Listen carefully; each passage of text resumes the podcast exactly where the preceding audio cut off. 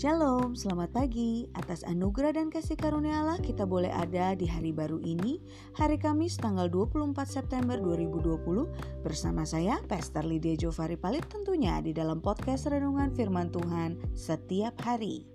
Saudara renungan firman Tuhan pada pagi hari ini saya beri judul mengutamakan Tuhan atau yang lain terambil di dalam Matius 6 ayatnya yang ke-33 tetapi carilah dahulu kerajaan Allah dan kebenarannya, maka semuanya itu akan ditambahkan kepadamu. Saudara, banyak sekali orang Kristen yang sudah hafal tentunya dengan ayat ini. Kita semua mengerti bahwa firman Tuhan memerintahkan kepada kita untuk mencari terlebih dahulu kerajaannya dan kebenarannya, yang tentunya adalah kunci untuk mengalami berkat-berkatnya Tuhan. Tetapi dalam praktek kehidupan kita sehari-hari, sadar atau tidak, sering kali kita tidak menempatkan Tuhan sebagaimana seharusnya, yaitu sebagai yang pertama dan terutama dalam kehidupan kita. Seringkali kita menempatkan Tuhan hanya sebagai alternatif pilihan, atau bahkan yang lebih parahnya lagi, hanya sebagai penambal kebutuhan saja. Kita mencari Tuhan hanya saat kita perlu. Kita ngotot mencari hadiratnya Tuhan saat terhimpit masalah. Kita mencari Tuhan hanya karena kita mengingini berkatnya saja, mujizatnya saja, dan pertolongannya saja. Tidak lebih daripada itu. Saudara, sering kali kita tidak mempersembahkan seluruh kehidupan kita dengan sepenuh hati. Padahal Rasul Paulus sudah menasehati supaya kita mempersembahkan tubuh kita sebagai persembahan yang hidup, yang kudus, dan yang berkenan kepada Tuhan sebagai perwujudan ibadah yang sejati.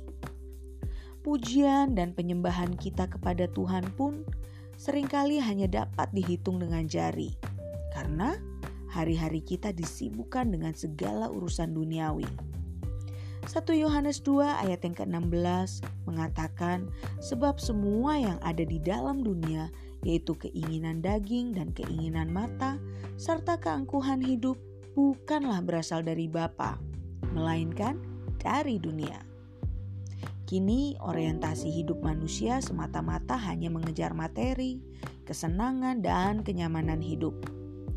Firman Tuhan memperingatkan kita untuk tidak terbawa arus dunia ini banyak orang yang menjadikan pekerjaan atau karir mereka terlalu penting, bahkan lebih penting daripada Tuhan, sehingga mereka rela mengorbankan jam-jam ibadah dan pelayanan mereka. Saudara, orang yang sungguh-sungguh lahir baru pasti akan menempatkan Kristus di tempat yang pertama dan terutama di dalam kehidupannya.